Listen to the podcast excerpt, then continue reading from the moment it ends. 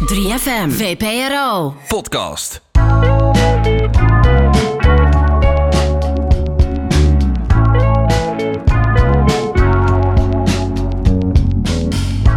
Dit is een podcast van VPRO 3 voor 12 en 3FM, waarin ik, Sagit Carter, in gesprek ga met jouw favoriete artiesten. Dit is Uncut Interviews. In deze aflevering praat ik met Simon Green, oftewel Bonobo. Als ik het einde van mijn tienerjaren een soundtrack zou moeten geven, dan zou het het eerdere werk van Bonobo zijn. Het werk dat hij zo rond 2012, 2013 uitbracht, dat waren dezelfde jaren toen ik een beetje mijn eigen muzieksmaak begon te ontwikkelen. En zijn voornamelijk instrumentale, dromerige trippelproducties hebben daar echt een grote rol in gespeeld. Ondertussen zijn we bijna tien jaar verder, is Simon, zoals heel veel Britse producers, verhuisd naar LA, waar hij zijn nieuwste album Fragments heeft gemaakt. Well, I'm here. It's the morning, so I well, I haven't just woken up, but uh, yeah, I'm Kinda, still kind of, little- kind of sort of yeah, just looking a little, a little loose this morning. well, how long has LA been your home now? Because you just mentioned that it's morning for you. Yes, it is. I moved to Los Angeles in 2015, January 1st. I just sort of got off a plane with a suitcase and was like, I guess I live here now. Um, because I was sort of living nowhere before. I was in New York for a while, and then I had a year of just living nowhere. I was just touring and living out of a suitcase for so long. And then I just decided to, to come here and been So- here ever since. What is it with electronic British artists moving to LA? Because I feel like it's not only been you, I feel like it's been a couple. Yeah. I mean, have you been to England? It's so miserable. fair enough, fair enough. Has it influenced your music in any way, you moving there? I think so. I mean, it's just it- you know, there's a lot more space. There's a lot more kind of room for freedom and to kind of just spend a bit more time. But I don't know if it, like you know, I don't know if there's like a typical sound that comes from being here. I think it's just more of a state of mind. Right. But um, yeah, I mean, I've you know, last few years haven't been anywhere else, so it's, Mhm. def- it's definitely been an influence. Yeah. Well, before we're going to get into fragments, um, I just wanted to mention that uh, your music, but especially the album The North Borders, has been the soundtrack of my late teens when I first started to develop my own uh, music taste. And next year, that album will turn 10 years, if I'm not mistaken. And I was wondering, Yeah. how- Wow. yeah. how do you look back on that album now? Um, the North Borders, yeah. I mean, that rem- I made that record when I first moved to New York.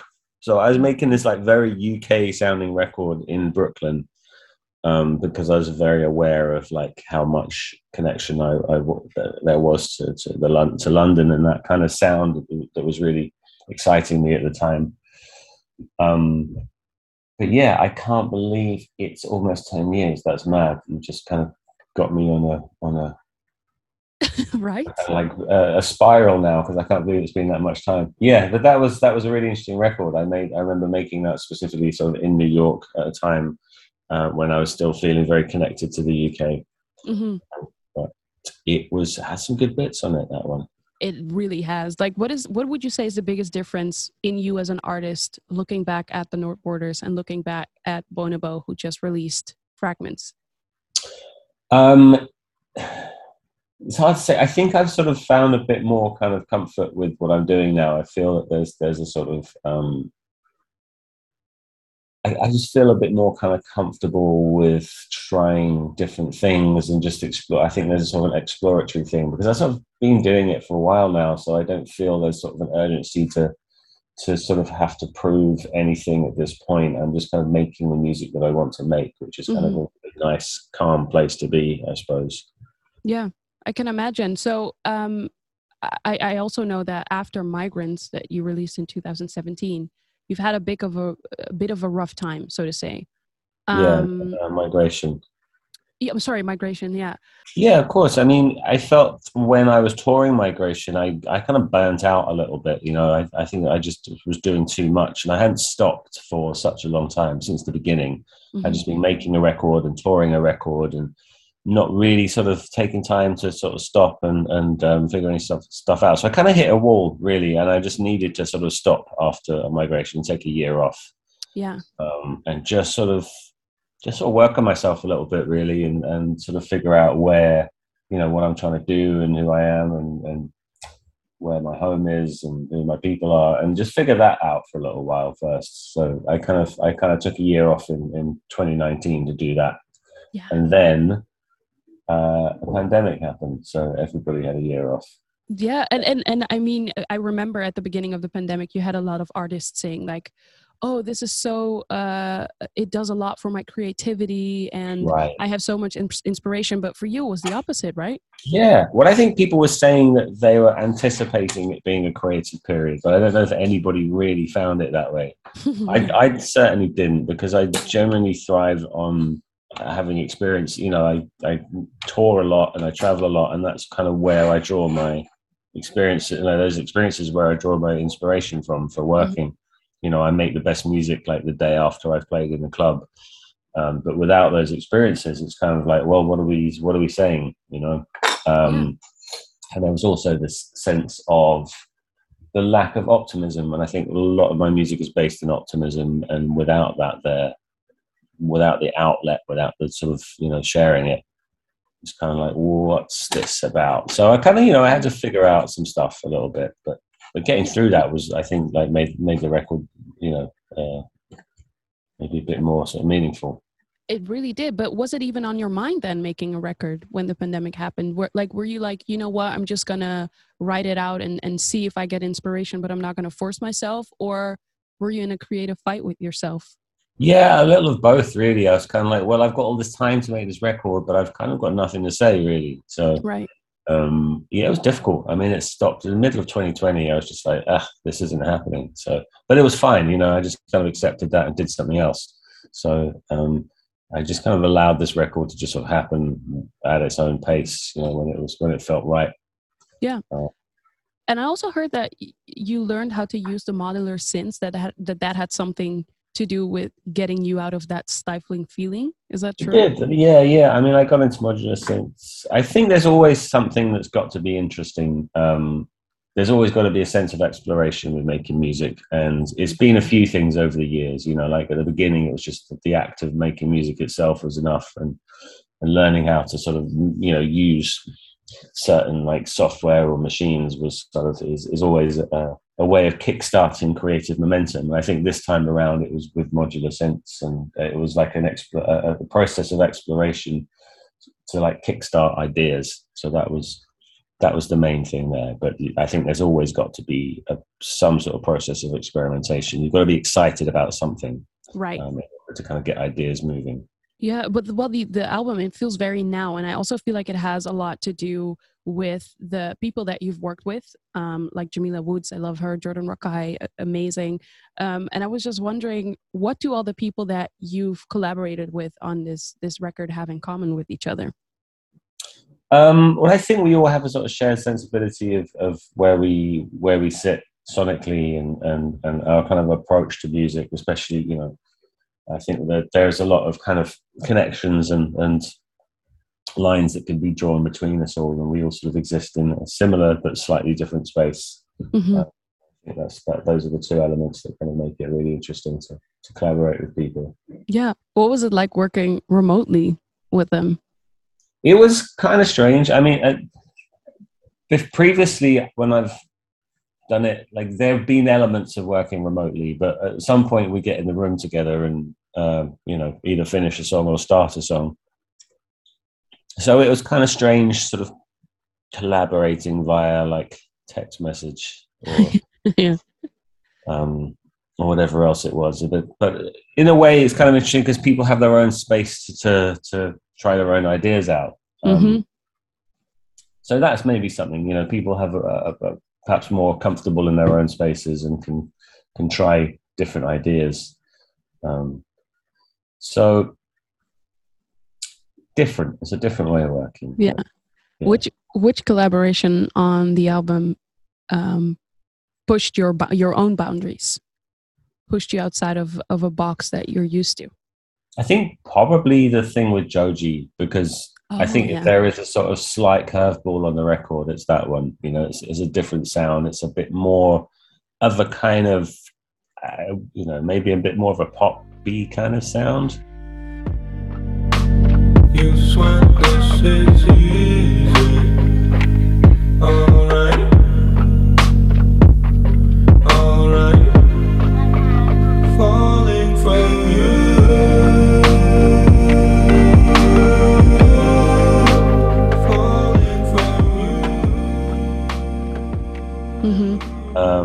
think I was sort of like trying something sonically that was a little bit different to what I usually do, but and and um, yeah, uh, I really like what came out. But it's a little bit yeah. I mean, it's it's like I, I remember playing it to people being like, okay, this one is a little bit unusual for me, but Uh-huh. I still think that there's there's you know there's there's still that common thread that goes through it. But that was an interesting one for me. Definitely my my favorite one the one that i've been playing a lot here on on the station and i've also been warning people listening to it on the highway because i actually got a ticket while listening to this song uh, while I was speeding on the highway it's the one the the collaboration with O'Flynn Otomo. Yeah, Otomo. Yeah. oh my gosh that one is is definitely my favorite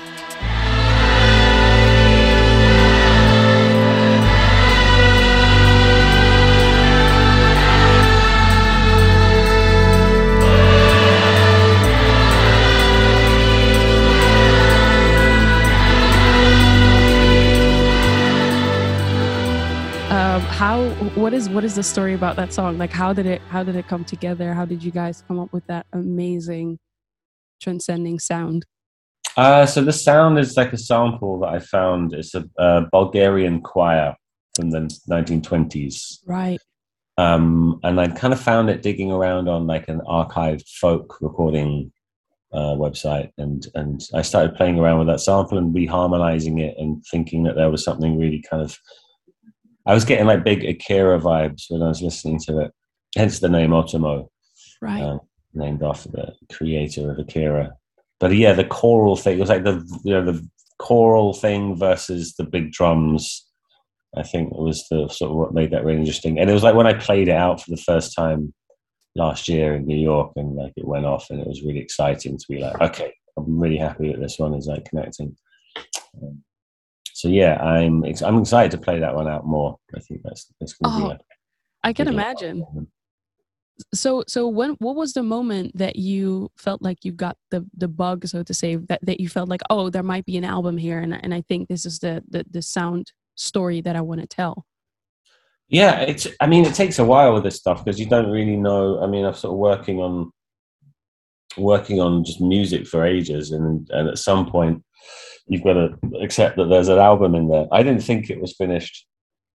Uh, I would just kept making more and more and more music. There's actually like another two albums worth that, that didn't make it on. oh man Yeah, at some point, somebody has to sort of just say like, I think that's enough. I think it's there, you know. And I had some input from a couple of friends. And, um, it's about balance, really, because it's getting the, the right mixture of, of, of sounds and, and Mhm. kind of sonic textures. And I think once that balance is sort of you know, it starts to look like a whole thing, then it's it's easier. Yeah. When when when did you come up with with the title? Because the record really feels like fragments of of life. Like you have like the the club bangers, and then you also have the songs that feel a little bit more introspective, if that's the right word to use. Yeah, totally. I mean, um, I feel like Fragments was like a title that I could have used for, for many records, really, because I kind of work in collage, you know, I'm like taking little bits of things from everywhere, and be that literally with like samples or just in terms of like the music that I'm listening to and, and trying to make. So yeah, it's sort of you know, it's a little bit of everything. Yeah. Um, What would you say the story is that you're trying to tell with fragments? Because I was I was listening. I've been listening a lot to the to the song that you've made with with Jamila Woods.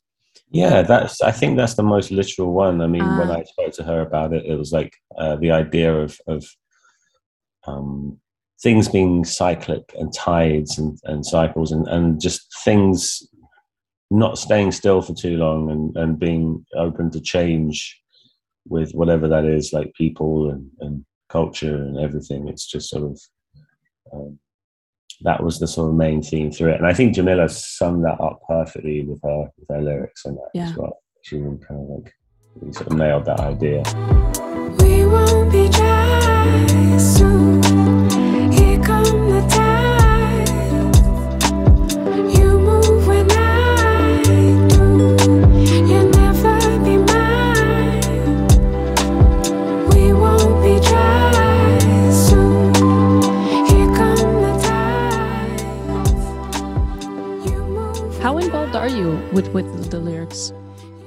I kind of tend to let people do what they want because I think that that's more interesting. You know, if you want to collaborate with somebody, you want their voice on it. Um, so I kind of will offer some guidance, and I'll have sort of an, an idea of what I think it could be. But ultimately, I want people to sort of make their own interpretation, and I'm I'm, I'm interested to see what their interpretation of it is because often it's like something completely different to what I had in mind. hmm So yeah, it really depends on the person as well. You know, I've had I've had collaborations where I've been more involved in in the sort of melodic ideas, and, and others where I've just sort of really let people just do their own thing with it. Mm-hmm. Yeah. What has um what has fragments taught you? Oh, um, I'm not sure yet. I think maybe that's still too early to say. I think that Mhm. as this year sort of unfolds, I think there'll be it will sort of develop its own personality as it sort of rolls out for the rest of the year. I think, and when we start touring it as well, I think that's going to be an interesting time. Um, if if fragments could talk, what would it say? Um, it would say ultimately that you know it's going to be all right. Hmm. I think that's the main the main thing. There is a sort of there is a sort of optimism there. It's like things are weird, but you know everything's going to be all right. Dat was mijn interview met Simon Green, a.k.a. Bonobo. Zijn nieuwe album Fragments is nu overal te streamen. Dit is Sagit. Je luisterde naar Uncut Interviews with Sagit Carter. En vergeet je niet te abonneren op deze podcast om op de hoogte te blijven van alle interviews met jouw favoriete artiesten. 3FM, Podcast. de nummer 1 podcast over de muziekindustrie. De Machine, van de makers van 3 voor 12. De Machine, dat is de tweewekelijkse podcast die je laat zien dat wat achter de schermen gebeurt minstens zo interessant is als de artiest die uiteindelijk op het podium staat. Je hoort van mij en van Niels alles over festivals, streamingdiensten en briljante nieuwe muziekideeën. De Machine. Check je via de 3FM-app of jouw favoriete podcastplatform.